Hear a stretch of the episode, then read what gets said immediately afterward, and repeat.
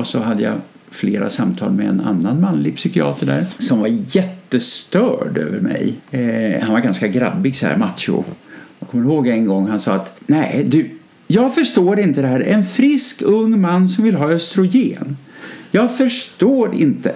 Jag ska säga till min chef att jag vill inte jobba med transsexuella mer. Jag klarar inte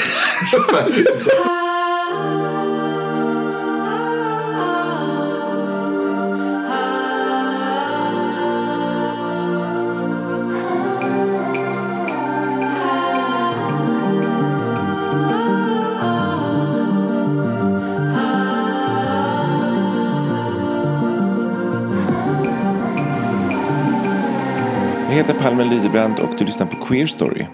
Ett slags samtalsarkiv med olika hbtq-personers erfarenheter. I det här programmet har jag pratat med Erika.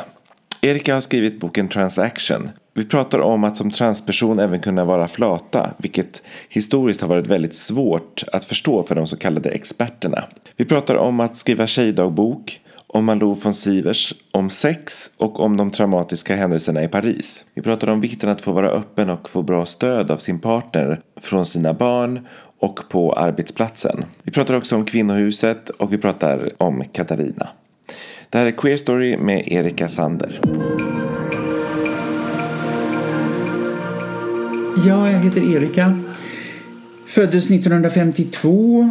Eh, hamnade med tiden på Tekniska högskolan. Där jag gick den hopplöst svåra och tråkiga utbildningen inom teknisk fysik. Jag ångrade många gånger att jag hade hamnat där men alltså. det, det, var svårgreppbart. Man insåg att de flesta ämnena skulle man aldrig ha någon direkt användning för. Aha. Mycket som jag knappt förstod. Men man kom ut sen på arbetsmarknaden och kände inte att man kunde någonting särskilt bra men hade väldigt hög status bland arbetsgivarna. Så hamnade jag först inom energisektorn där jag var i fem år och sen eh, hamnade jag på SJ men sen blev jag kvar där genom eh, omorganisationer och SJ bolagiserades och vi blev ett konsultföretag inom underhållsorganisationen och sen såldes det till ett engelskt bolag och sen med tiden såldes det till en stor kanadensisk koncern och sådär. Det var väldigt, väldigt roligt. Jag trivdes jättebra och var kvar där i 33 år nästan tills jag pensionerade mig.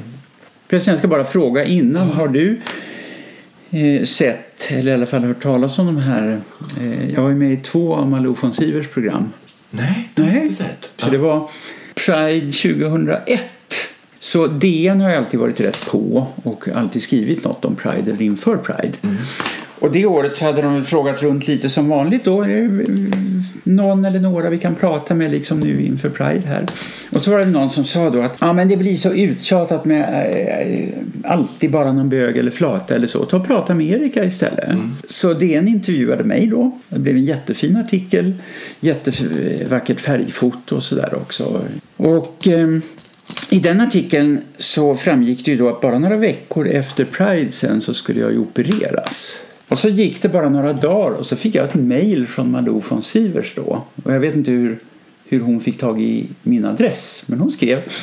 Och, och då så skriver hon, hon var så gullig också, för hon skrev så här ödmjukt då, ungefär som, som jag inte visste vem hon var. Hej, jag heter Malou von Sivers och jag har en serie intervjuprogram på TV4. Och jag har ju träffat Nelson Mandela, Ingmar Bergman och Isabella Rossellini och andra och nu vill jag gärna träffa dig. Så bara några dagar senare så träffades vi och um, åt lunch. Ytterligare några dagar senare så kommer hon hem med en sminkös, en ljuskille och en, en fotograf. Och sen körde vi intervjun rakt av och det var väl då jag insåg Malous vad som är hennes storhet och stora tillgång. Det var att det var ju inget förberett. Inga frågor. Så jag hade ingen aning om vad hon tänkte fråga. Och hon hade ingen aning om vad jag kunde tänka svara. Så det blev ju ett väldigt naturligt mm. samtal. Och sen så hade hon ju idén att, för då skulle jag opereras en och en halv vecka senare tror jag.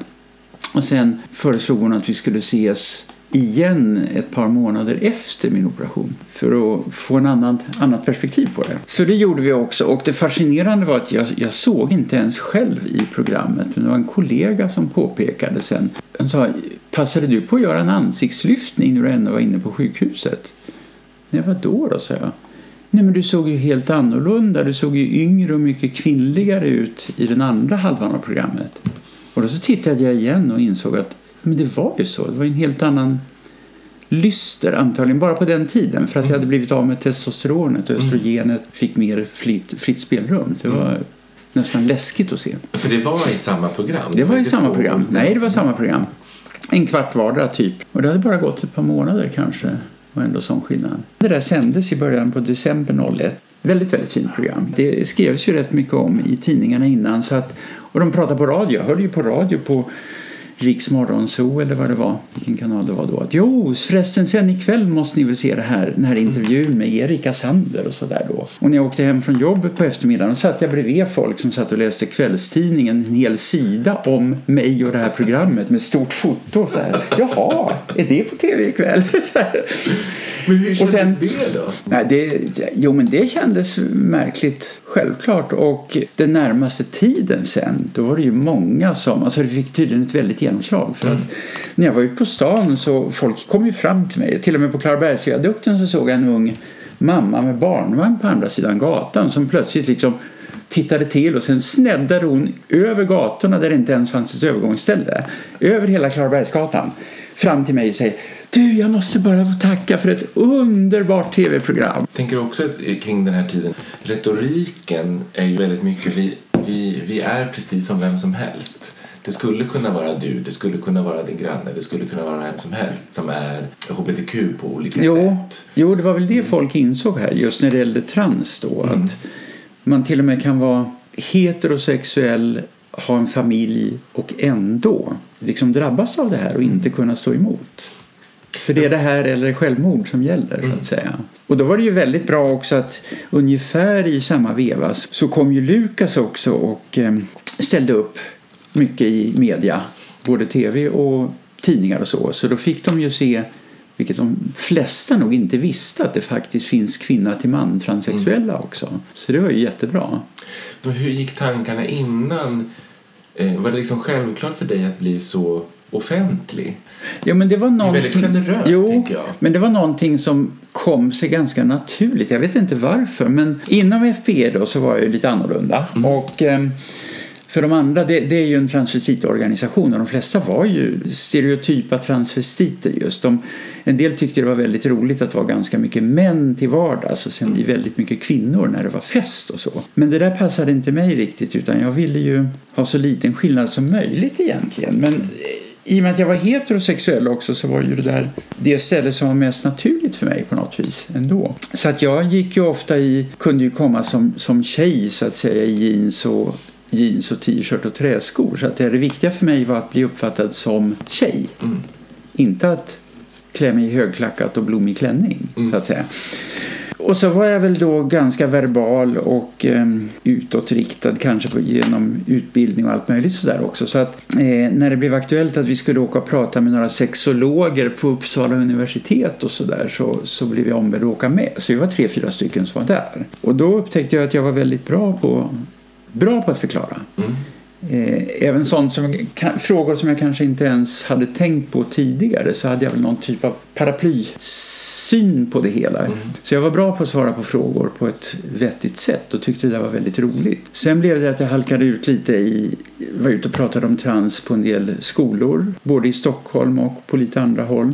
För det, det, namnet spred sig väl så att säga. Och sen så var det någon eh, grupp med amerikanska sexologer som vidareutbildning vid universitetet i New York som eh, dök upp vid, från sommarmånad i Uppsala. Och de ville också ha folk som kom och pratade och då var jag med där. När jag kom tillbaka sen och blev mer aktivist inom RFSL och så då i slutet på 90-talet då följdes det naturligt att då frågade folk där också. Så åkte jag ut till lokalföreningarna och så var jag flera år, fem, sex år i rad hos folkhälsovetarna på universitetet i Göteborg och föreläste och sådär också. Och eh, för skolinformatörerna på RFSL Stockholm. Som och, jag har varit. Jaha. Mm, vad roligt. Du har varit Skolinformatör. Ja, ja. ja. Eh, Så där var jag också rätt många år och, och fick prata om trans. Och höjdpunkten var väl när jag ett par år i rad var på någon sån här fantastiskt dyr avancerad management vidareutbildning typ på Handelshögskolan. Det handlade inte så mycket om management och så utan det handlade mer om vidga dina vyer. Så det var bara fantastiska föreläsare på alla möjliga områden. Och, nej men så det har bara fallit sig naturligt på något vis för mig. Jag har tyckt det har varit roligt och tror jag en del i min egen process också. För jag har nog egentligen analyserat det här väldigt intellektuellt på något konstigt sätt från det jag var 15-16 när jag började skriva någon tjejdagbok. Mm. Som från början bara handlade om de gånger jag var ute som tjej. Och jag vet inte varför det kom sig att jag, jag började dokumentera det från början. Mm. Och sen med tiden blev ju det där mer funderingar, tankar. Så till slut hade jag väl ett par pärmar med 12-1300 handskrivna sidor med Wow. Som från början var bara, där, då var jag ute och gick på bio eller då var jag ute och gick och handlade. Nej, och till att bli liksom eh, sida upp och sida ner med egentligen terapi och, mm. Och sådär. Så därför blev det också att jag skrev den här boken under min egen process, vilket jag tror är helt unikt. För många är ju skrivna fem, sex år efteråt, eller ännu längre. Och liksom sett i backspegeln med alla filter och censur och allt det kan handla om. Så jag skrev ju ofta dagsaktuella saker. Och sen trycktes den dessutom i USA, vilket jag tror är psykologiskt lämpligt. Det står liksom inte tryckt på Skövdes allmänna tryckeri utan det står printed in, in the USA. Och det är, det, som, det är den som är transaction? Ja, just det. Mm. Mm. När kom den ut? 03. Vad fick den för reaktioner? Väldigt positiva. och vi kanske borde ha haft mer marknadsföring så att säga. Jag vet inte hur. Men ett litet förlag privatägt är ju svårt. Så att, mm. Men det spred sig ju ändå så att jag har rätt många utskrivna alltså, eh, omfattande recensioner av den från olika amerikanska transtidningar som jag hittat på nätet. Jag hittade någon lista också över eh, att den fanns på väldigt många universitetsbibliotek i USA till exempel. Eller någon kille, tjej så att säga, på Irland som bodde på något studenthem och som skrev till mig att när jag hade läst ut din bok då gick jag ut i det gemensamma köket och deklarerade jag är en transkvinna. så det var massor av sådana häftiga. Det? det är ju jättehärligt. jättehärligt. Att veta att man liksom har varit en den motorn på något sätt ja, deras liv. Nej, det var ju många sådana här, jag fick inbjudningar från olika transorganisationer liksom i Texas och sådär. Att om du någonsin är i närheten så hör av dig så måste du komma och prata med oss och sådär. Så, så det, det var ju det var jättehäftigt. Mm. Det var det. Men den hade ju stort genomslag så att den, den har ju betytt mycket för många människor. Om man backar tillbaka till då när du började skriva de här dagböckerna böckerna. Minns du liksom hur, hur det började? Första gången du skrev? Vad sa du? Sa du tjejdagbok? Ja, det jag dessutom skrev ett, ett namn över. Jag hade ju aldrig träffat någon annan trans överhuvudtaget när jag gick ut på stan. Nej. Första gången. Och så, så skrev jag ett namn då över. Jag skrev Ann-Marie. Sen fick jag inte heta det så att säga. För i de här transvestitkretsar, alla har ju namn. Men då fanns det flera Ann-Marie redan så tyckte de jag skulle ha något annat. Annars kanske jag hade hetat Ann-Marie idag. Det var nog efter en tjej i en parallellklass på, på högstadiet som jag tyckte var rätt häftig faktiskt. Hon hette Ann-Marie, det kom jag på långt efteråt. Men det roliga var att hon var ju inte någon sån här söt liten tjej utan hon var ganska tuff, sliten amerikansk militärjacka, jeans rätt eh, lång, stort burrigt hår, stod och tjuvrökte på skolgården och sådär. Henne var jag fascinerad av. Kanske just för att hon var lite, lite annorlunda. Men minns du liksom hur, hur det kom sig att du började skriva? Nej, det bara kändes naturligt att på något vis. Så dagboken så att säga började med första gången jag var ute som tjej. Mm. När jag var 15. Och du är uppvuxen i Stockholm? Jag är uppvuxen i Stureby, nära stan.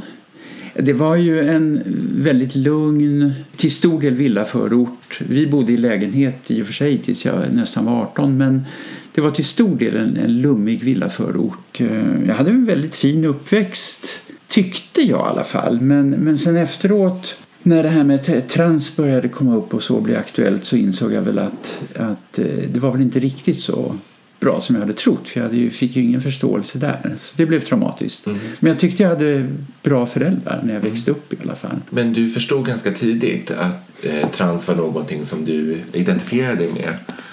Ja, så pass tidigt så jag visste ju inte, det handlade ju inte ens om, om identitet, det var inget jag var medveten om så men jag hade en bästa kompis i, i trappen då, en liten tjej, jämnårig tjej. Och jag var väl inte mer än fem, kanske sex när jag började försöka få låna av hennes kläder och sådär. Jag förstod ju inte alls det här själv, men det bara kändes naturligt. Mm. Och sen höll jag väl på och smög med det där. Och när jag blev äldre så började jag rota i mammas garderob och sådär. Och hade väl inga problem med det. Trots att jag inte visste om att det var något som fanns så hade jag inga problem med det. Men sen eh, var det en sån märklig tillfällighet som om man trodde på försyn och öde så, så, så var det det som, som hjälpte mig där. Men nu tror jag inte på det. Men jag kom ut ur en tobaksaffär i Östberga och överst i en överfull papperskorg utanför affären så låg en porrtidning i solen en vårdag. Så jag antar att det måste ha varit någon, någon unge som hade knyckt den där i affären och sen blivit skraj och slängt den i papperskorgen och sprungit och sen kom jag ut. Där låg den. Så tog jag med mig den och började bläddra i den i en skogsdunge där i närheten och hittade då en insändare om transvestism. Någon som hade skrivit om sin bror då som hon hade kommit på med att han klädde sig i hennes kläder och sådär. Och det här var ju alltså 60, 67. Mm. Och någon på tidningen skrev ett väldigt, väldigt bra svar, vilket förvånade mig. 67. Det är jag väldigt tacksam för fortfarande. Som skrev att det där har inte ens självklart något med sexualiteten att göra. Din bror kan fortfarande vara heterosexuell och så vidare. Han har bara ett behov av att ibland få klä sig som kvinna. Då tänkte jag, ja, ja, då, då är jag transvestit då. Mm. Och det kändes ju bara skönt att jag var något. Mm. Jag var inte ensam. Men var det som att du kunde prata med någon om det? Eller nej, det, det kunde jag inte. Nej, nej, det kunde jag inte. Det fanns ingen att prata med. Och sen fortsatte de här tillfälligheterna. Så våren 68 så en rast kunde ju vara oändlig. Vi, jag och en kompis gick hem till honom på typ lunchrasten. Hur man nu hann det. Och så började jag bläddra i hans pappas Expressen och hittade en stor artikel då om fotografen Christer Strömholm som väl anses vara en av världens främsta i vissa avseenden och eh, blev årtiondets fotograf i Sverige på 60-talet och sådär. Och då var det en bild på honom när han fotograferade två, alltså då transsexuella kvinnor. Den ena hade till och med exponerat sina bröst då framför fotografen där som också var med på bilden. Och det där kändes ju, det, det pirrade ju till. Så att jag köpte den där tidningen själv, det var väl dagen, så klippte ur det där. Och ett av få urklipp jag fortfarande har kvar tror jag. För då insåg jag att det, det fanns transsexuella människor också. Det stod någon bildtext där om att den ena har bröst beror på hans oemotståndliga längtan efter att få bli kvinna. Och, så där. och sen så hade var även Christer då smart nog att påpeka att det fanns en förening för transvestiter då i Sverige. Mm. Så det skrev de om i artikeln. Och Christer Strömholm var kanske i och med att han hade fotograferat alla de här transsexuella i Paris och sådär så, så hade en av de ledande i FPE här många, många år tidigare liksom fått kontakt med Christer och lärt känna honom. Och, så Christer han var ju till och med hedersmedlem i den här transvestitföreningen och så för de tyckte han hade gjort så mycket. Men du kontaktade inte FP? Nej, än. inte då. Det här var våren 68. Men ja. det där väckte väl någonting. Så det var också så märkligt att jag hade aldrig funderat på ens att jag kunde klä, klä mig helt som tjej och ännu mindre att jag kunde gå ut. Mm. Och två månader efter att jag hade läst det där så var jag inne i Sergels centrum en solig, solig vårdag som tjej. Jag lyckades byta om i trapphuset till någon rivningskåk där på Drottninggatan. Det var när de gamla fanns kvar. Mm. Eh, och hade gjort det väldigt enkelt för mig och så. Men, men jag gick ju omkring som tjej i Sergels centrum där i solen. Och det gick ju jättelätt. Jag var 15 år, inte särskilt storvuxen och sent utvecklad och så vidare. Så det var ju väldigt enkelt. Men Minns du, du hur det kändes? Märkligt självklart. Och odramatiskt. Det var ju pirrigt när jag gick ut ur den här porten. Men sen var det ju väldigt odramatiskt faktiskt. Och det var efter det sen som jag då började skriva min eh, lilla dagbok. Så det där hamnade i den. Men när det gällde Christer och FPE då så betyder det ju väldigt mycket det där. Så att jag är förvånad ibland över, över vad jag vågade för att nästan efter att jag hade läst den här artikeln bara så slog jag upp honom i telefonkatalogen. Han bodde i Stockholm och det visste jag inte då men han var rektor för fotoskolan borta vid Sofia och bodde väl i närheten så att lustigt nog när jag ringde honom mitt på dagen så svarade han i telefon. Så jag frågade honom egentligen bara om den bok som det stod där att han skulle ge ut om de här transsexuella kvinnorna i Paris och sådär. Sen blev det inte mycket mer och den boken kom väl inte ut sen förrän 35 år senare tror jag när ETC förlag gav ut den. sen gnagde väl det här liksom och blev mer och mer påtagligt att det var något viktigt så att jag ringde Christer sen ett och ett halvt år senare, hösten 69, jag hade den inkubationstiden. Mm. Och undrade om jag kunde få träffa honom bara och prata lite för han var den enda inkörsport jag hade. Så på en, som jag gick i skolan vid Skanstull och han bodde vid Sofia kyrka så på en lunch och håltimme så gick jag hem till Christer och satt och pratade i hans lilla etta på Åsögatan tror jag det var. Och då fick jag en del eh, material, då, den här FPE då, de gav ut en väldigt fin liten tidskrift som jag fick några nummer av. Och så sa han då, och, och sen, sen bör du kontakta Annette, hon är jättesnäll, hon kommer ta hand om dig. Men, eh, så det där var ju en väldig lättnad. Så jag skrev till och med en uppsats då, sista uppsatsskrivningen i tredje ring om de här transvestiterna som jag hade lärt känna genom Christer Strömholm och så. Men jag vågade inte riktigt stå för det utan jag skrev ju till då att jag skulle vara tacksam om vår lärare då inte nämnde uppsatsen för några andra i klassen. För då skulle det bli frågor. Men jag fick, jag fick ju högsta betyg på uppsatsen i alla fall och, och sådär. Så, att, så det var ju också en viktig markering på något vis. Okay. Och det var ju då våren 71 typ och då i samma veva så kontaktade jag den där Anette på FPE så det var liksom ytterligare ett och ett halvt år. Och då så um, återkom hon ju väldigt snabbt per telefon och min mamma svarade och undrade ju sen vem det var som ringde men jag lyckades hitta på något. Och så fick jag åka in till stan och träffa den här mycket paranta damen då i en gammal lägenhet på Vasagatan. Vi hade jättetrevligt och hon kände väl att hon kunde lita på mig så hon sa att jag ska be Stina kontakta dig så kanske ni kan träffas och så har de en liten träff snart och sådär. Så att någon vecka senare så satt jag i, i en bil med den här Stina då som man vid Svedmyra och pratade i en och en halv timme och sen så sa hon då att ja men vi har en, en liten träff i min sommarstuga här nästa vecka. Du kan gärna få komma om du vill. Så. Så det var som en slags intervju för att kunna Ja, se för att se om, om jag gick och, gick och bjuda ihop med andra människor. Ah. För det är, ju, det är ju väldigt känsligt mm. vilka man är då. Visst. Många var ju rädda då. Nu går ju massa transvestiter i Prideparaden mm. men då var det ju väldigt hemligt. Så då, där fick jag ju komma med och då lärde jag ju känna flera som, du, som sen betydde mycket för mig. Minns du eh, liksom den eh, känslan när, man började, när du kom in där på sommarhuset? Ja, det var, det var ju väldigt speciellt för det var ju första gången jag som kvinna då träffade andra transpersoner i omklädda, eller transkvinnor.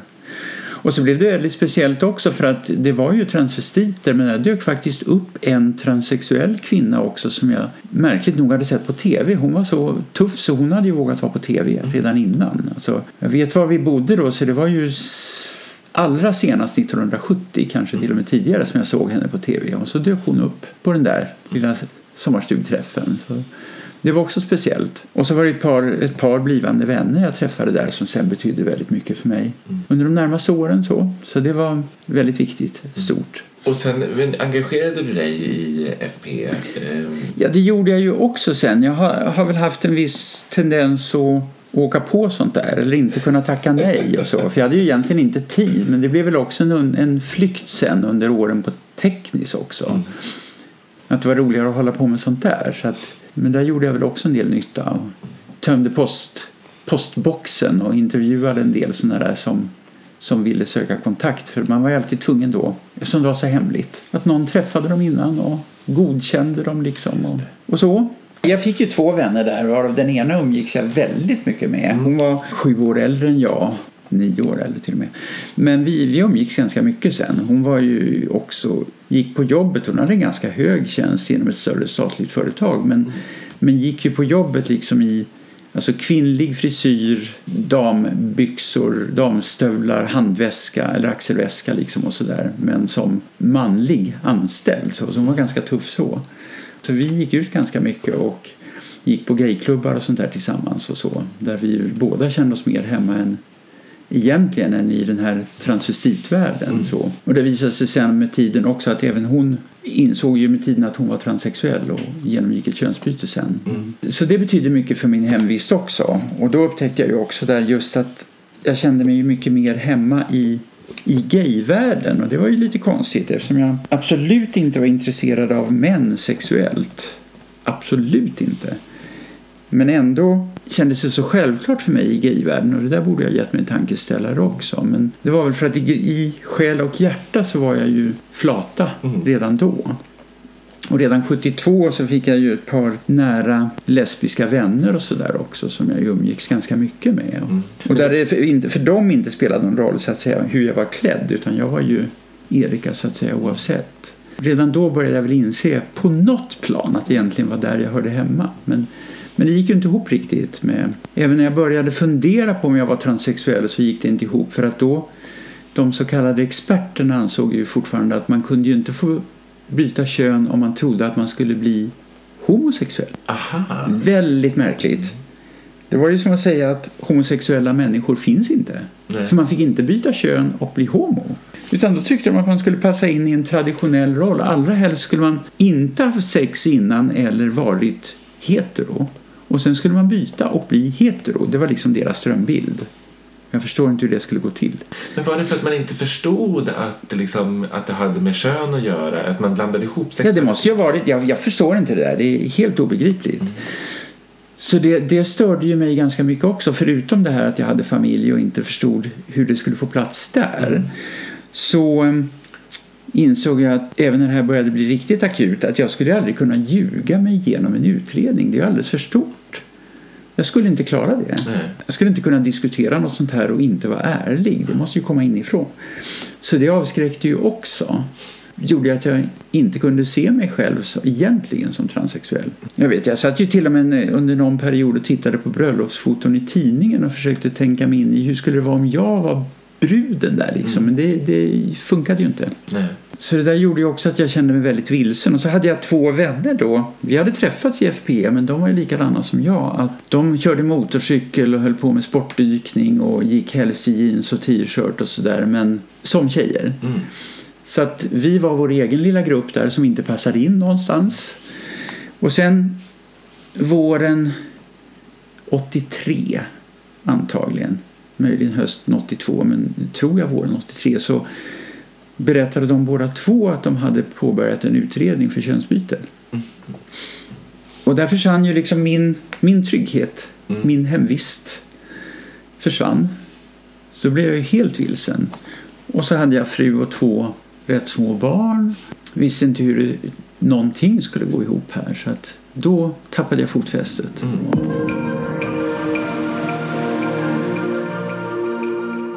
Du träffade din fru, inte via eh, FP? Nej, nej, vi men, träffades men ju- i den tiden? Nej, vi, Nej. Jo, jo, vid den tiden. ja. Vi, vi träffades första gången 1970 på, utanför en pub på Irland, lustigt nog. Men sen hade vi bara lite sporadisk kontakt och sen hon bodde nere i Småland, sen skulle hon upp till Stockholm våren 72 med ett par vänner, ett par då. Och tyckte det var ju tråkigt om de var ett par och hon var ensam så då undrade hon om jag ville träffa dem någon kväll där. Och sen, då var vi ett par. så det var våren 72. Ja. Och sen var vi ju mer eller mindre ett par ända till 07, vilket var sex år efter mitt könsbyte. När det avvecklades ganska naturligt. Och 25 år av den där tiden var vi gifta. ja. Men sen var vi tvungna att skilja oss då för att jag skulle få igenom mitt könsbyte. För då kunde man ju inte vara gift. Så ni skilde er då 20, 2000. 2000? och- Innan min ansökan lämnades in. Och sen opererades jag 2001 men sen levde vi fortfarande ihop i sex år. Och hade ju faktiskt sex också men hon, hon, var, ju, hon var ju i grunden se- heterosexuell så det var ju inte det var ju liksom inte en kvinna hon hade sex med. Det var, det var mig, den där personen hon hade älskat sedan 72 så säga.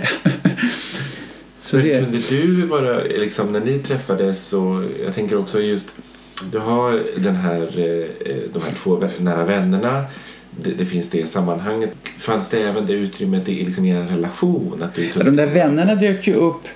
De dök upp senare faktiskt. Så att, Nej, det, det fanns inte det utrymmet egentligen. Men jag hade väl bestämt mig för, för jag hade hört inom FPE så många som trodde att den här transsidan, det var bara för att de inte hade någon kvinna i sitt liv.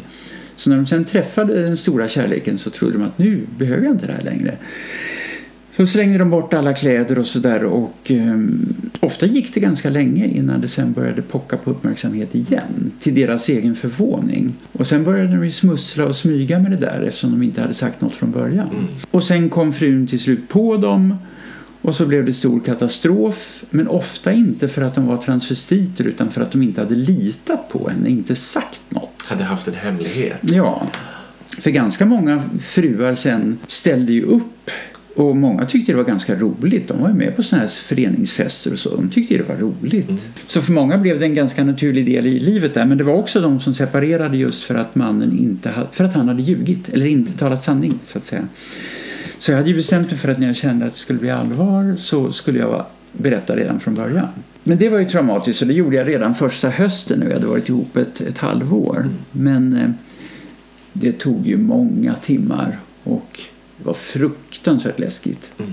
Så när jag till slut fram på morgonkvisten kom fram till vad det var då säger hon bara att så var det inget värre. Jag trodde du hade en unge eller två ute på stan. Eller? Jo, för det var så som att du ville berätta men inte jo, hittade Nej, jag klarade, jag vågade inte. Jag kom inte Så sen somnade hon och så låg jag vaken där i flera timmar. Liksom. Hon bara vände sig om och somnade. Så, så det gick ganska enkelt faktiskt. Sen var ju hon med på, redan den nyårsafton tror jag, så var vi på en fest med mest bara gayfolk och så som jag kände då. Sådär, så att, och det tyckte hon var jätteroligt. Så hon gillade de kretsarna. Hon kände sig nog alltid lite eljest apart utanför annorlunda hon också. Så hon trivdes väldigt bra i gaykretsar trots att hon inte alls var lagd åt det hållet. Mm.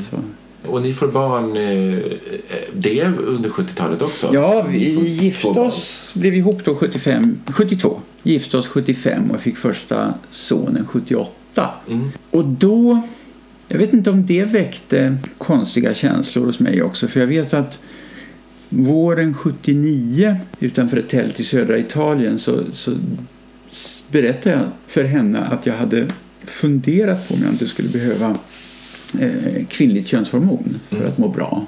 Det hade liksom bara vuxit fram en insikt på något sätt. Och det, det, tog, det var väl inte så dramatiskt det heller tror jag. Så att, men det, det berättade ju 78. Och sen fick vi nästa son nummer två, två år senare.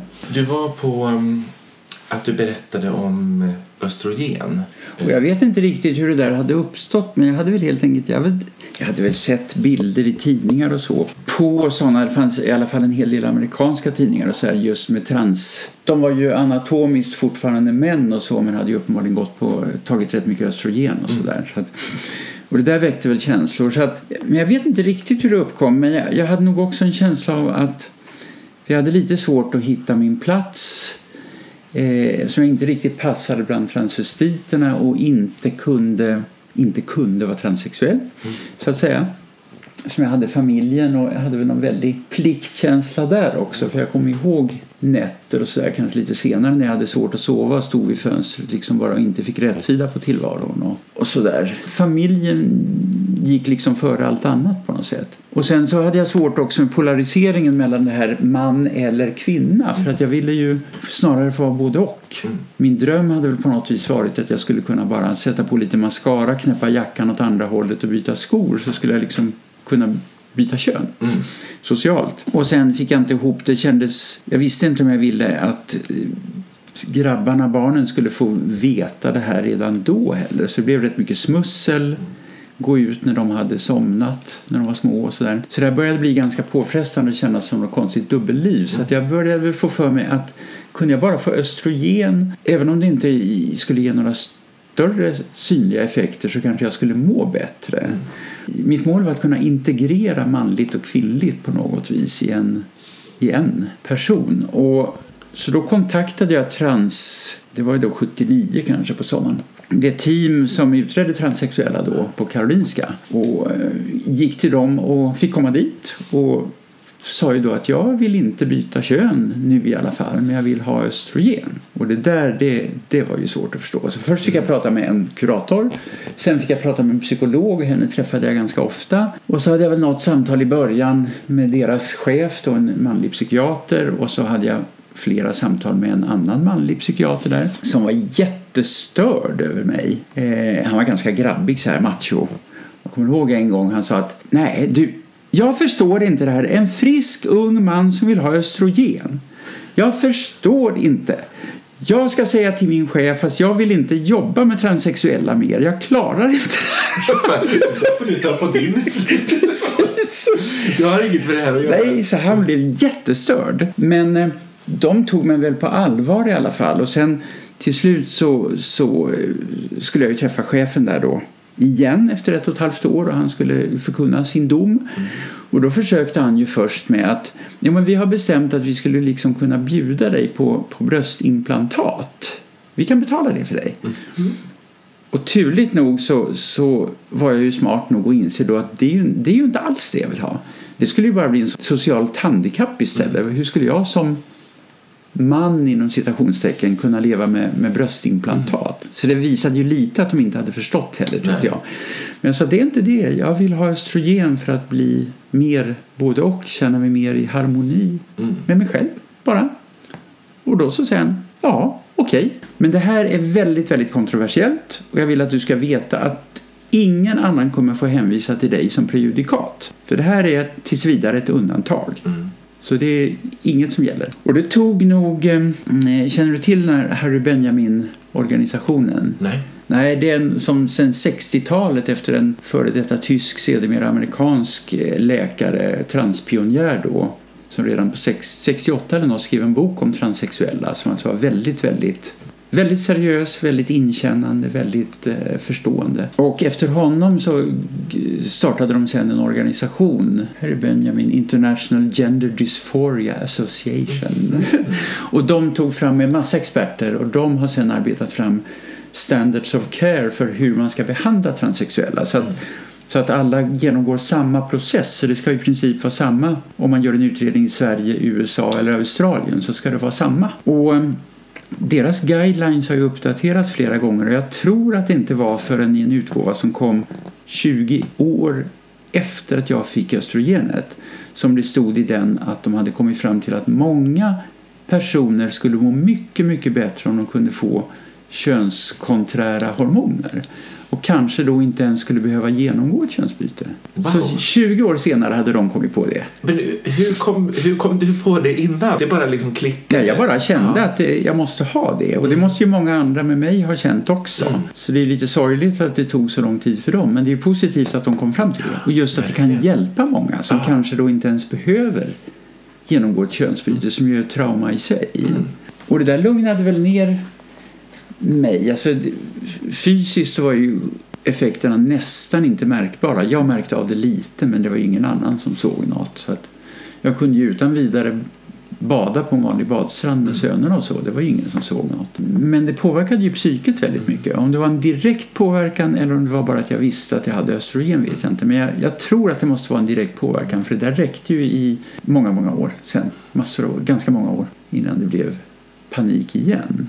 Då, då får du östrogen samtidigt som de här två vännerna eh, berättar att... Jag hade, jag hade haft östrogenet i två år tror jag innan de berättade. Så ja.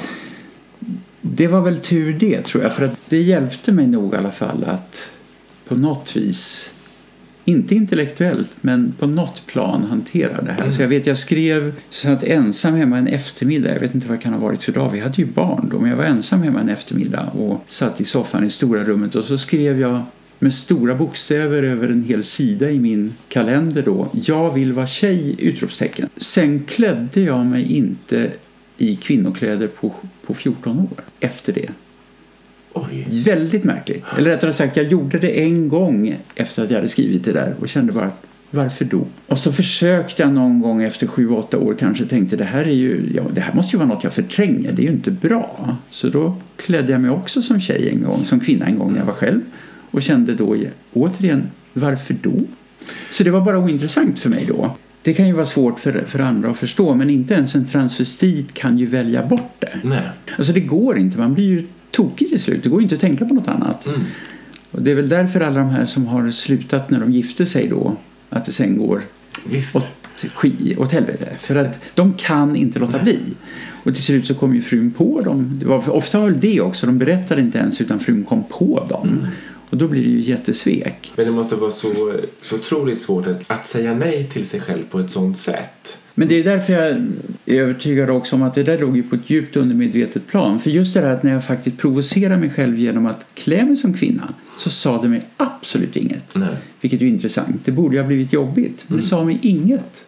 Meningslöst. Varför gör jag det här?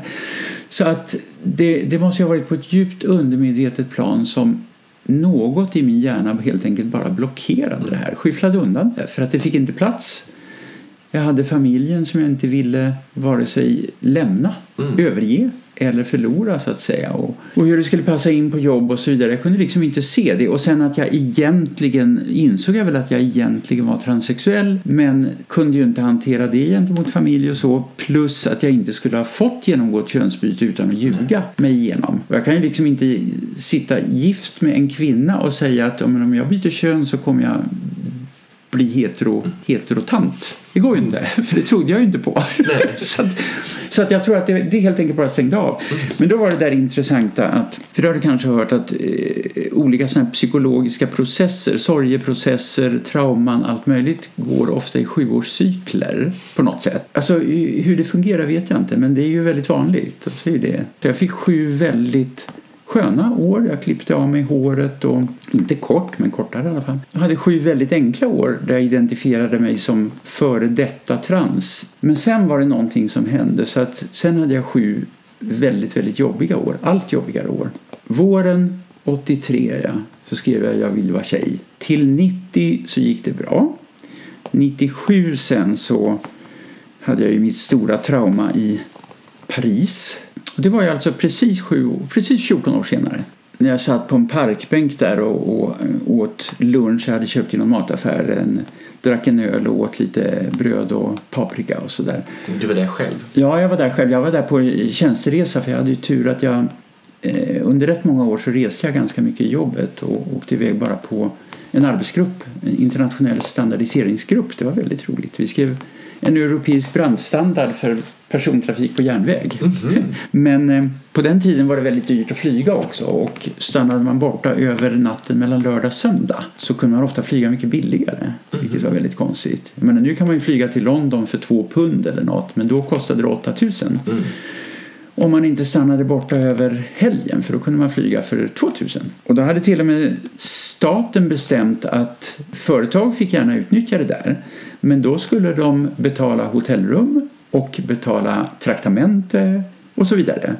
Så, så att man liksom inte tvingade anställda att åka iväg och spara pengar. Nej. Så, så att jag stannade ju ofta borta om, om vi hade möten i London eller Paris så var jag ofta där helgen före eller efter vårt möte. Så där satt jag på en, en ö under Pont Neuf i Paris och åt min lunch och så insåg jag, nej, det, det var ju året efter. Där i närheten sen så ligger en stor gaybokhandel i Marais. Och så gick jag in där och så hittade jag ett ställ då med, med tre, fyra olika tidningar som vände sig till lesbiska. Både en fransk, en amerikansk och en engelsk. Och så började jag bläddra i de där och så tänkte jag men vad välbekant det känns så här, allt det här. Och så kände jag plötsligt att nej, men det är ju som det här var skrivet för mig. Sen, alltså, jag blev yr. Det var som golvet skakade i butiken där när jag plötsligt insåg att ja, men jag är ingen heterosexuell man som vill vara kvinna. Jag är en flata i en mans kropp. Och just det, det var, alla säger annars att de inser att de egentligen är kvinnor. Men jag insåg att jag är egentligen flata. Det var det jag insåg. Och då måste jag ju vara kvinna också. Så att- det, var, det var chockartat. Jag mådde nästan illa. Alltså, det blev en sån total chock. Så- Hur hanterar du det i Paris?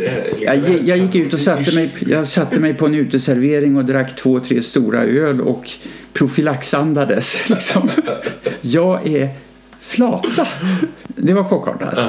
Sen, eh, och jag tror samma höst redan så berättade jag det för, eh, för min dåvarande fru då. Så, att, så, så jag hade kommit fram till att jag är nog faktiskt egentligen transsexuell. Men då trodde jag fortfarande att jag inte behövde göra något åt det. Men jag var egentligen transsexuell, vilket var ganska skönt bara att komma på. Och då konstaterar hon bara att ja, men det låter ju rimligt, det, det stämmer nog. Du är nog egentligen transsexuell och flata, säger hon. Och sen eh, nöjde jag mig med det också till året efter när, eh, när vi var i Paris.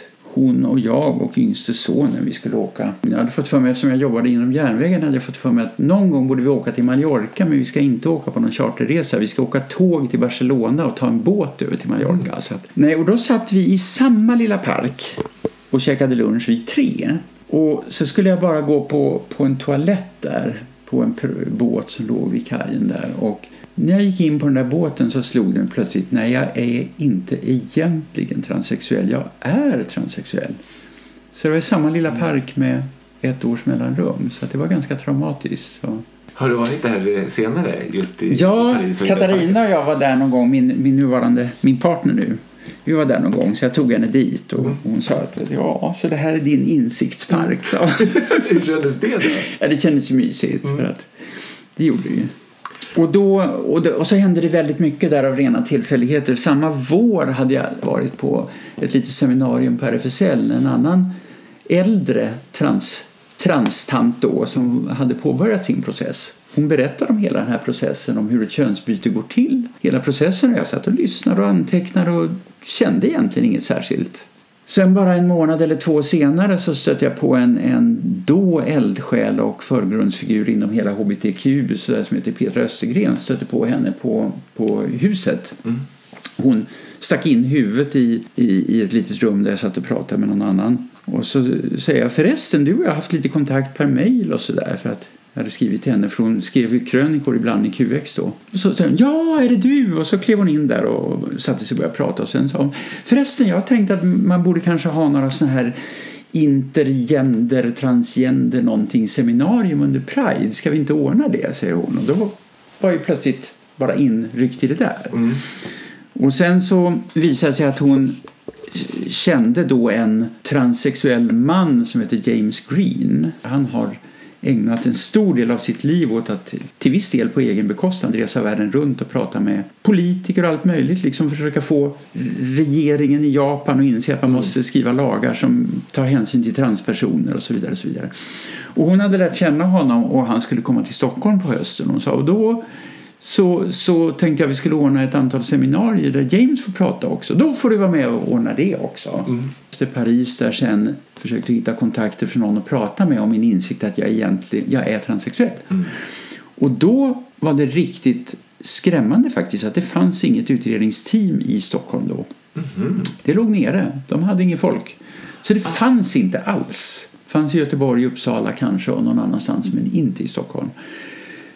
Men eh, då kände jag en, en sån där aktivist nere i Göteborg då som, eh, hon var ju en uppslagsbok, jag menar, hon kände till alla kirurger över hela världen och hur bra de var på att operera, deras resultat och vad det kostade och så vidare. Och så vidare. Så jag kontaktade henne och hon sa det finns två psykiatriker i, psykiater i Stockholm då som, som eh, nog är insatta, du skulle kunna ringa någon av dem och höra. Och så fick jag tips på en som jobbade här på, på Kungsholmen och ringde henne och då sa jag bara att jag ville komma och prata för det var vad jag trodde.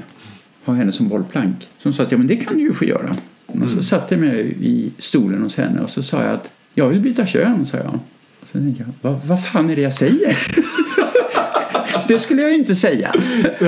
Och sen så visste jag just det där att det åtminstone tidigare var omöjligt att få göra det om man inte skulle bli hetero. Så i nästa mening så sa jag, och om jag får göra det så ska du veta att då kommer jag att bli flata.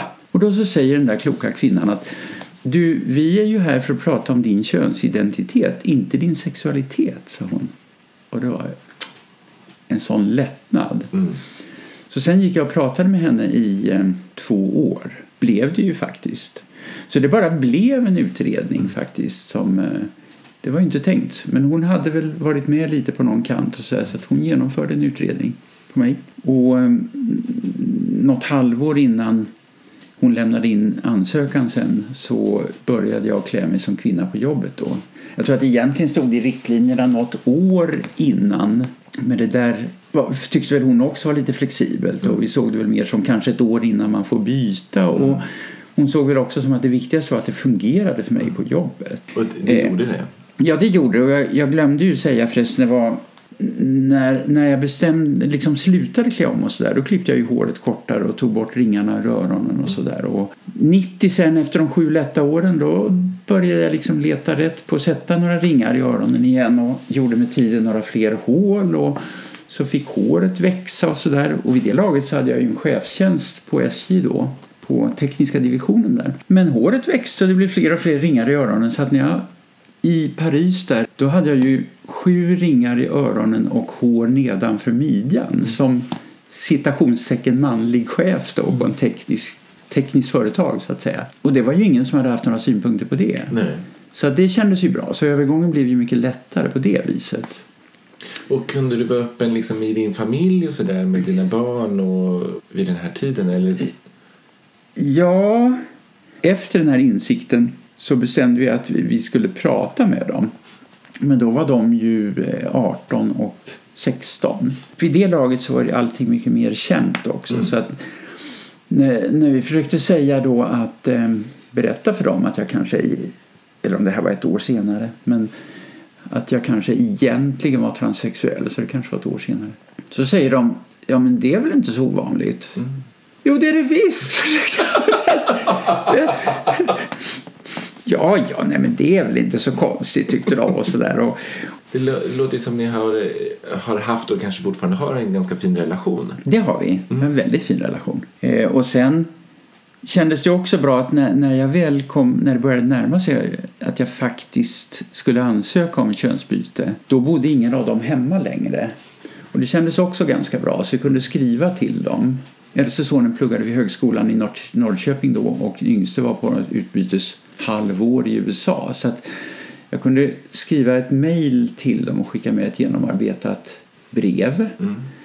Så jag tänkte då får de känna efter i lugn och ro istället för att man ska sitta vid ett bord och förvänta sig en bra reaktion. Mm. Alltså det tog säkert bara en timme så hade vi mejlsvar från, från sonen i Norrköping då. Han skrev att jag var ute och gick här och det var så vackert. Solen sken på, på snön här och änderna nere vid ån. Och jag var jätteglad och så kom jag hem och läste ditt mejl och blev ännu gladare.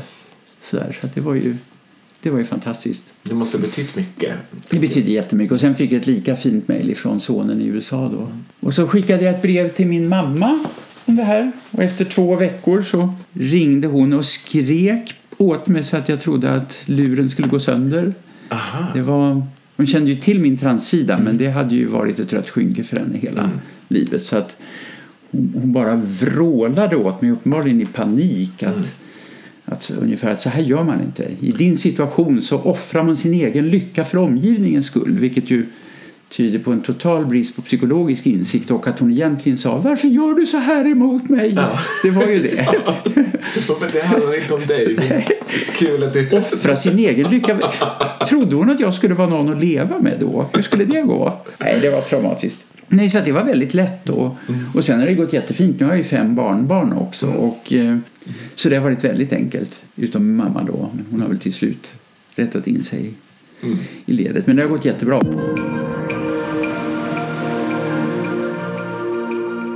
För du sa eh, att... Jo, men det här var eh, en traumatisk kväll i oktober 2002. Och jag tror att det var under Pride 2001 eller 2002, någon gång där i alla fall så till och med i Pride-programmet så stod det att kvinnohuset hade ju några aktiviteter och eh, det var öppet för alla kvinnor, dock ej trans. Och det där var väl inte alla riktigt överens om på kvinnohuset och det visade sig att jag hade ju en granne som var väldigt aktiv där.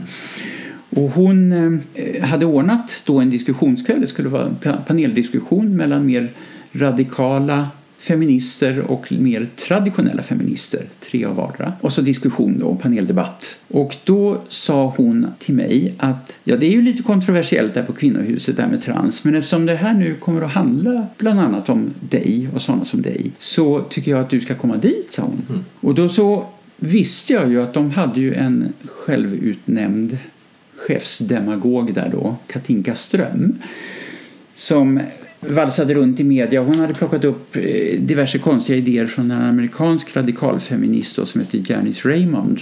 För den här Harry Benjamin som jag nämnde förut, ja. han den här eh, på 60-talet som skrev en jättefin bok då, 68, den hette The Transsexual Phenomenon. Mm. Den var fantastisk, alltså det var ju 50 år sedan och han skrev ju väldigt, väldigt inkännande om de här människorna som verkligen behövde samhällets och medicinens, sjukvårdens hjälp. Mm. Den här hemska Janice Raymond hon skrev en bok som heter The Transsexual Empire. Hon framförde ju såna här, seriöst såna här teorier om att transsexuella kvinnor var egentligen bara någon sorts eh, infiltratörer från manssamhället. Mm. Så de var egentligen män som offrade sig själva för att infiltrera kvinnovärlden och inte minst då att komma åt lesbiska kvinnor. Så den där Katinka Ström hon fick ju framföra sådana idéer i, i svenska media, i tidningar. Jag hörde henne på radio och allt möjligt. Och blev inte särskilt motsagd heller. Och som tur var så sa min, min mitt ex då innan att blir det bråk där så ta det lugnt. Ta inte åt dig. Och det var jättebra att hon sa, för jag hann ju inte mycket mer än komma in där och hänga av med jackan så kommer det fram två kvinnor där och jag insåg ju då att när den ena sa är, är du möjligen trans? Och jag sa att jo det är jag ju. Så då vet du väl att du inte har rätt att vara här, sa hon. Och då kände jag igen henne från fotona då att det var ju Katinka Ström. Och så hade hon någon annan support som men jag sa att jo, men jag är hitbjuden av eh, henne som arrangerat den här kvällen och känner flera av dem i den här mer radikala HBT-vänliga panelen. Mm. Två av dem kände jag i alla fall då. Så jag sa så jag tänker gå in. Nej, det tänker du inte alls, sa de och så försökte de slita ut mig därifrån, liksom slänga ut mig genom ytterdörren. Men eh, då kom väl några andra till undsättning i alla fall och sa att nu, nu får ni ge er. Mm. Så, där. så jag gick in i alla fall. Och så satte jag mig där eh, rätt långt bak i ett hörn tillsammans med två goda vänner då. Och då kommer de där in och den eh, ena av kvinnorna ställer sig på en stol mitt i rummet och börjar alltså skrika om att Män tror att sätter de bara på sig en blommig klänning så, så ska de få komma in i sådana här kvinnosammanhang och lesbiska sammanhang och så. Liksom. Och han i hörnet där har ingen rätt att vara här. Och ehm, jag hade ju jeans och tröja på mig och var dessutom opererad och juridisk kvinna så det var ju ingenting som stämde där. Jag har aldrig haft några blommiga klänningar. Men eh, turligt nog så var det ju många som inte höll med henne. Och eh, mina vänner satt ju där, eh, två kvinnor då, satt ju och höll om mig där bara. Och den ena såg ut som hon skulle börja gråta. Det var totalt kaos. Alla gapade och skrek på varann och två falanger där uppenbarligen. Och så, jag, så jag minns det som ett slagfält under 30-åriga kriget eller något. Det är så jag minns det. Damm, slammer, vapenslammer. Och så mitt i allt det där så står plötsligt en kortklippt äldre flata framför mig i snickarbyxor och vit t-shirt och tittar på mig. Jag tänkte, vad ska hon nu säga? Och så stirrar hon på mig och så säger hon, Gud vad du är vacker, säger hon. Medan alla andra bråkade omkring där så var det helt surrealistiskt. alltså det här var ju på kvinnohuset då ja, och då var kvinnohuskören där också. Men många från dem. Men de, de var ju kanske inte medlemmar egentligen där utan de, de använde det där som replokal och så. Så att de reste sig liksom upp och sa att det här är ju helt vansinnigt. Nu går vi. Så de bara tågade ut därifrån. Och sen så var det ju flera som, som sa liksom att nej men nu får ni ge er. Och då, sa, då skrek hon där på stolen. Nej, han i hörnet där ska gå härifrån. Och då så tyckte andra då att nej, nu får ni gå härifrån. Och så föstes de ut ur lokalen istället. Det där eh, la ju viss sordin på, på diskussionen men det, det, fascinerande var att inte under hela debatten än så var det någon som berörde just det som hade hänt. Mm. Och det var ju inte bara jag heller, det blev också lite konstigt för där satt ju åtminstone en eller ett par flator av den där traditionella typen liksom i kostym, vit skjorta och slips och såg ju fruktansvärt illa berörda ut när hon stod och gormade där. Mm. Men det konstiga var att hon hade ju inga synpunkter på dem. De var ju okej, okay, även om de klädde sig som gubbar. Det gick ju bra. Sen efter det där så var vi några då, inklusive dem i den här mer HBT-panelen där och några andra som gick ut på en krog i närheten där Pelikan tror jag. Drack några öl och pustade ut. Alla var ju ganska chockade faktiskt. Mm. Det var bland annat Tina Rosenberg, Ulrika Dahl och Pia Laskar då som var i den panelen där. Och sen redan då höll jag på att skriva min bok och redan nästa förmiddag så skrev jag ett, ett, ett par sidor om det här i boken. Och jag, jag, kände väl att det här var så stort det som hade hänt. Alltså det var jättejobbigt och jag hade lite dåligt samvete inför henne som hade tagit dit mig och sådär. Mm. Så jag säger inte att det enbart var av godo men jag kände att det var en väldigt stor och avgörande händelse. Mm. Så jag började med att skriva på första raden i det där kapitlet då att jag vet ju inte hur det kommer att gå men jag tror att 18 oktober 2002 kommer att gå till historien som en vändpunkt inom svensk HBT-historia. Mm. Och sen har jag ju läst om det här i flera både seriösa tidskrifter och det har nämnts i flera såna lite feministiska böcker och sådär. Just den här traumatiska kvällen på Kvinnohuset när den de försökte slänga ut en transkvinna därifrån. Det är en väldigt tydlig signal att man ville slänga ut en transkvinna men det som händer är att de som ville slänga ut är de som skjutsas ut ja. istället. Att det är liksom medlemmarna inne i huset eh, var redo att inkludera på något sätt. Eller många Tillräckligt många i alla fall. Mm. Majoritet i alla fall. Mm. Och då ju- är det ju tråkigt att det försvinner sen, kvinnohuset.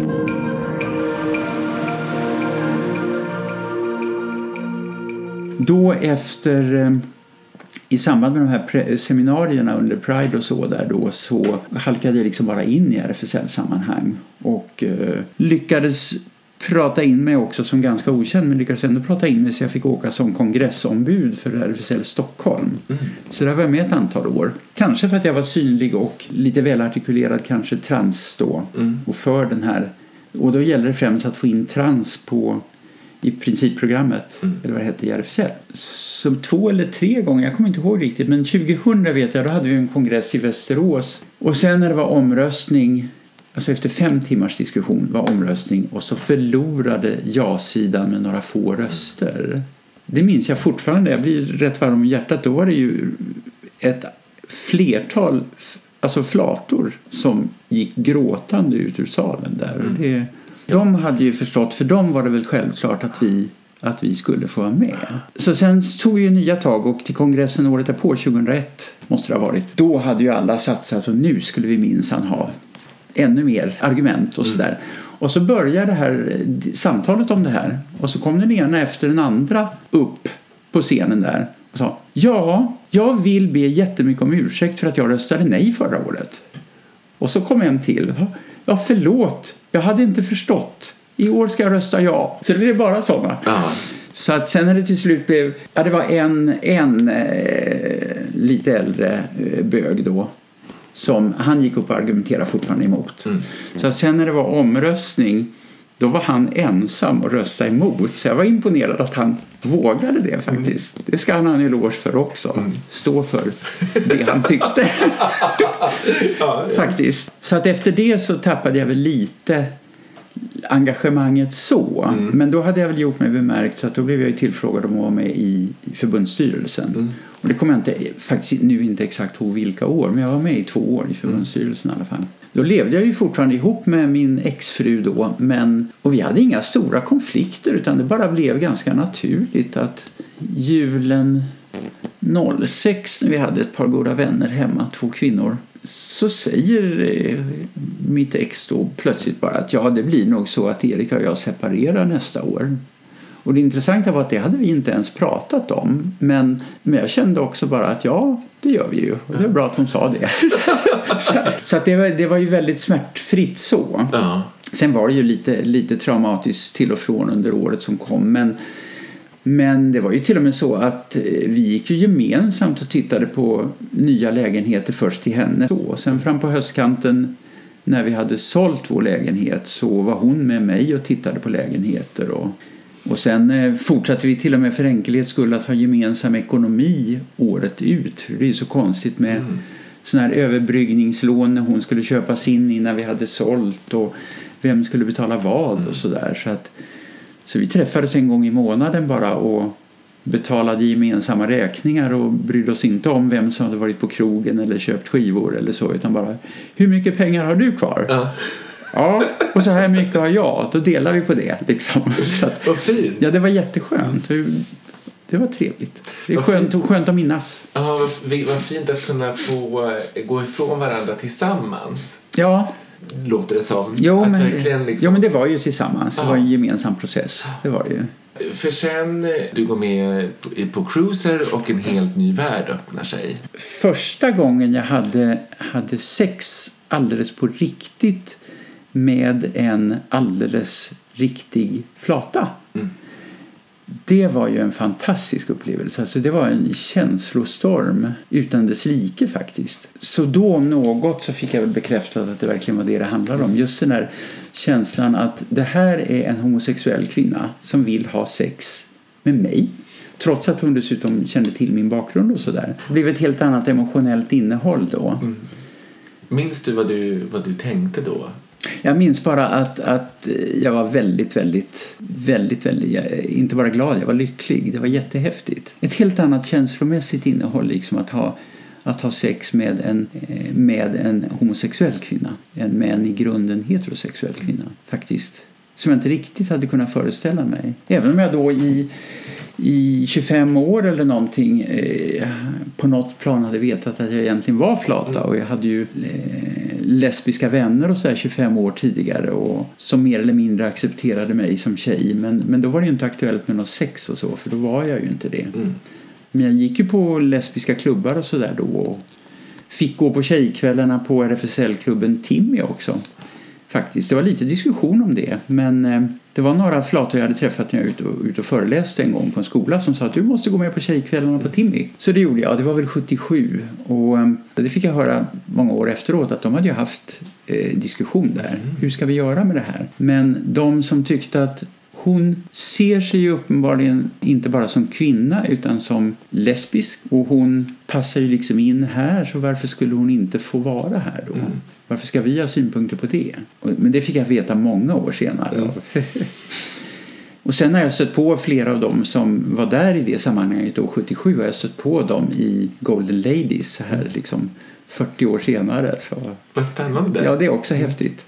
Som jag kommer ihåg från då. Så det betyder också jättemycket. Jag fick ju ett okej där. Så jag gick ju på flatfester av olika slag. Och, och var ute och körde motorcykel också med en, en annan flata som... Det, det hade ett visst symbolvärde i sig också. Hon var både längre och kraftigare än jag och hade en större motorcykel. Så, och, så hon hade sin flickvän bak på och jag fick med mig någon tjej då som hörde att vi pratade om det här en kväll där på, på Timmy. Och sa då kan väl jag få åka med, sa hon. Så, där. så var vi ute och åkte runt halva Mälaren eller någonting då på, på två motorcyklar. Det betydde också jättemycket. Och jag blev bjuden faktiskt på några privata fester av eh, kvinnor som var på Timmy då.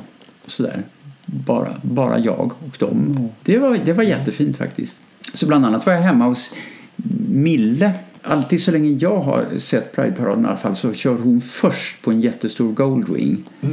Med alla kåpor och kanske någon jättestor mjukistiger på packväskan bak och högtalare på, antenner och prideflaggor och allt möjligt. Hon brukar liksom leda. Så någon gång var jag faktiskt hemma hos henne. Jag hade med äldste sonen då i barnvagn, typ han var ett halvår kanske och var hemma hos med ett gäng tjejer hemma hos henne då, men hon var så mycket yngre så jag var ju fortfarande hemma hos hennes föräldrar i deras lägenhet på Jodenplan någonstans.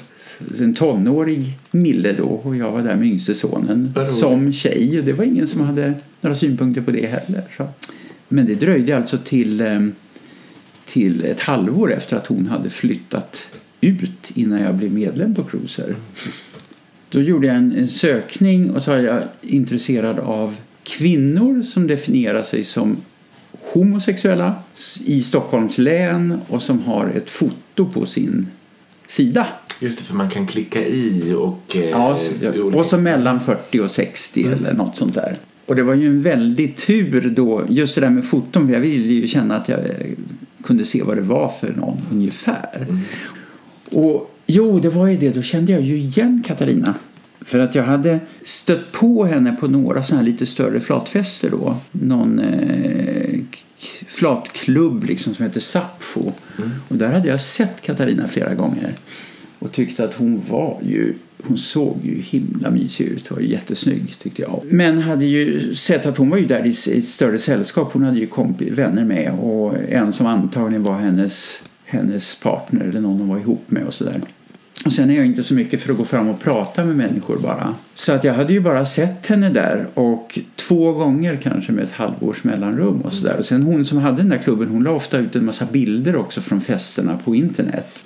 Så där gick jag in och tittade och konstaterade att ja, men hon är ju den enda som, som jag kände att men henne... Ja, det, det är det konstigt, jag undrar så mycket över det där. Alltså jag såg i hennes ögon och kände att henne tycker jag om. Bara liksom kände det. Det var något där. Ja, det var något. Hur man nu kan se det. Så skrev jag till henne. Jag, jag känner igen dig på, på fotot. För jag tror att vi har nog setts på Sapfo. Eller jag har sett dig på Sapfo. Och så tog det två dagar. Och så svarade hon. Ja, det har vi ju gjort. Var det inte två gånger, skriver hon då. Och jag har liksom bara sett henne där. Det var ett halvår mellan gångerna och hon visste att jag hade varit där två gånger. Det var mycket märkligt.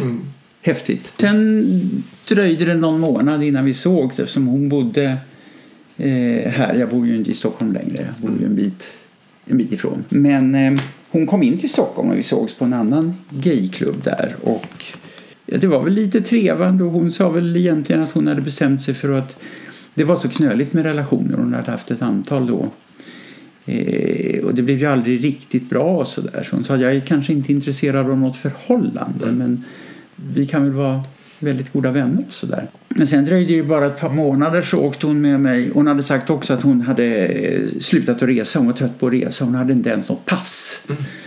Och fyra månader senare så sa jag du jag, jag vill åka till Litauen. Det är ingen som åker till Litauen. Ska du åka med? Och så ja, jag.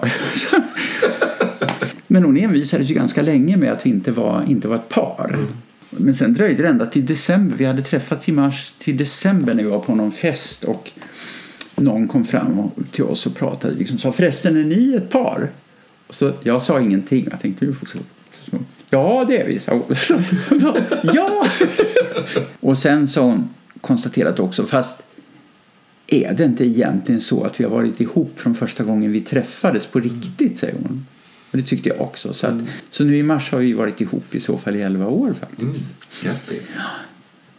Så först lyckades vi då i alla fall i em, åtta år blev det hålla ihop det här som särboförhållande då, ses på helgerna. Och det, det funkade bra. Men sen när det började närma sig pensionering så insåg jag ju plötsligt att jag vill ju inte pensionera mig inne på Södermalm vid Mariatorget och sitta i parken och mata duvor. Vad ska man göra?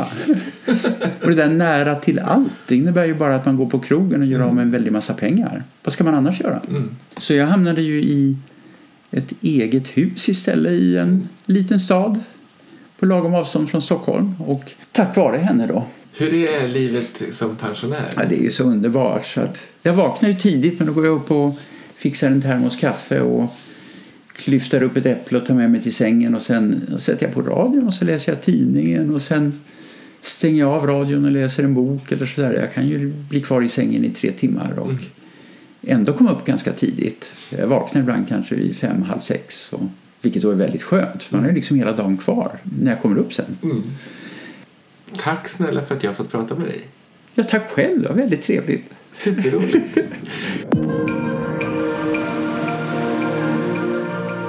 Musiken är gjord av Anna Nordenström och Ilon Veide. Grafiken av Michel Hammenfelt. På Instagram finns vi under Queer Story Podd. Jag heter Palme Lytebrant. Stort tack till dig som har lyssnat.